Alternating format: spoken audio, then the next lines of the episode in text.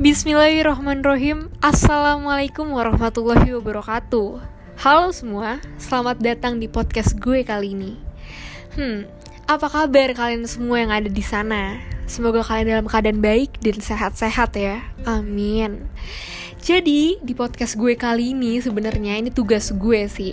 Tapi gue senang karena ini gue melakukan hal baru di podcast gue kali ini. Karena gue jujurnya gue belum pernah melakukan podcast dan ini first impression gue melakukannya. Oke, okay, jadi di sini saya akan menjelaskan tentang OPEC. Nah, banyak orang yang tidak tahu apa itu singkatan dari OPEC. Nah, jadi OPEC ini adalah organisasi negara-negara pengekspor minyak bumi. Nah, yang dimaksud itu apa sih? Nah, jadi OPEC ini adalah organisasi yang bertujuan untuk menegosiasikan masalah-masalah mengenai produksi, harga, dan hak konsensi minyak bumi dengan perusahaan-perusahaan minyak lainnya.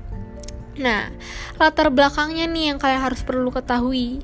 Jadi, OPEC ini berdiri sebagai akibat dari anjloknya harga minyak dunia pada Februari 1959 yang merupakan buntut dari monopoli perusahaan minyak raksasa dunia bernama The Seven Mayors.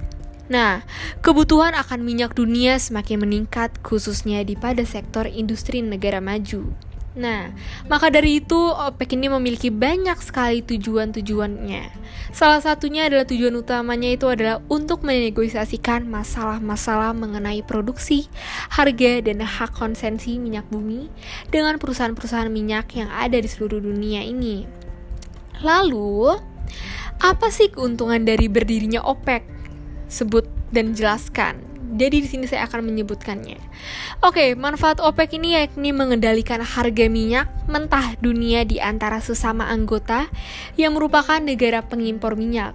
Hal ini dilakukan supaya harga minyak mentah dunia ini tidak dikendalikan ataupun diambil alih oleh pihak-pihak tertentu.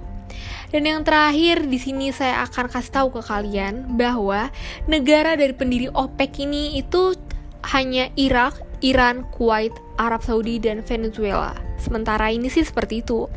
Oke, semua sekian dari podcast kecil-kecilan saya ini. Maaf jika ada kesalahan atau perkataan saya yang kurang.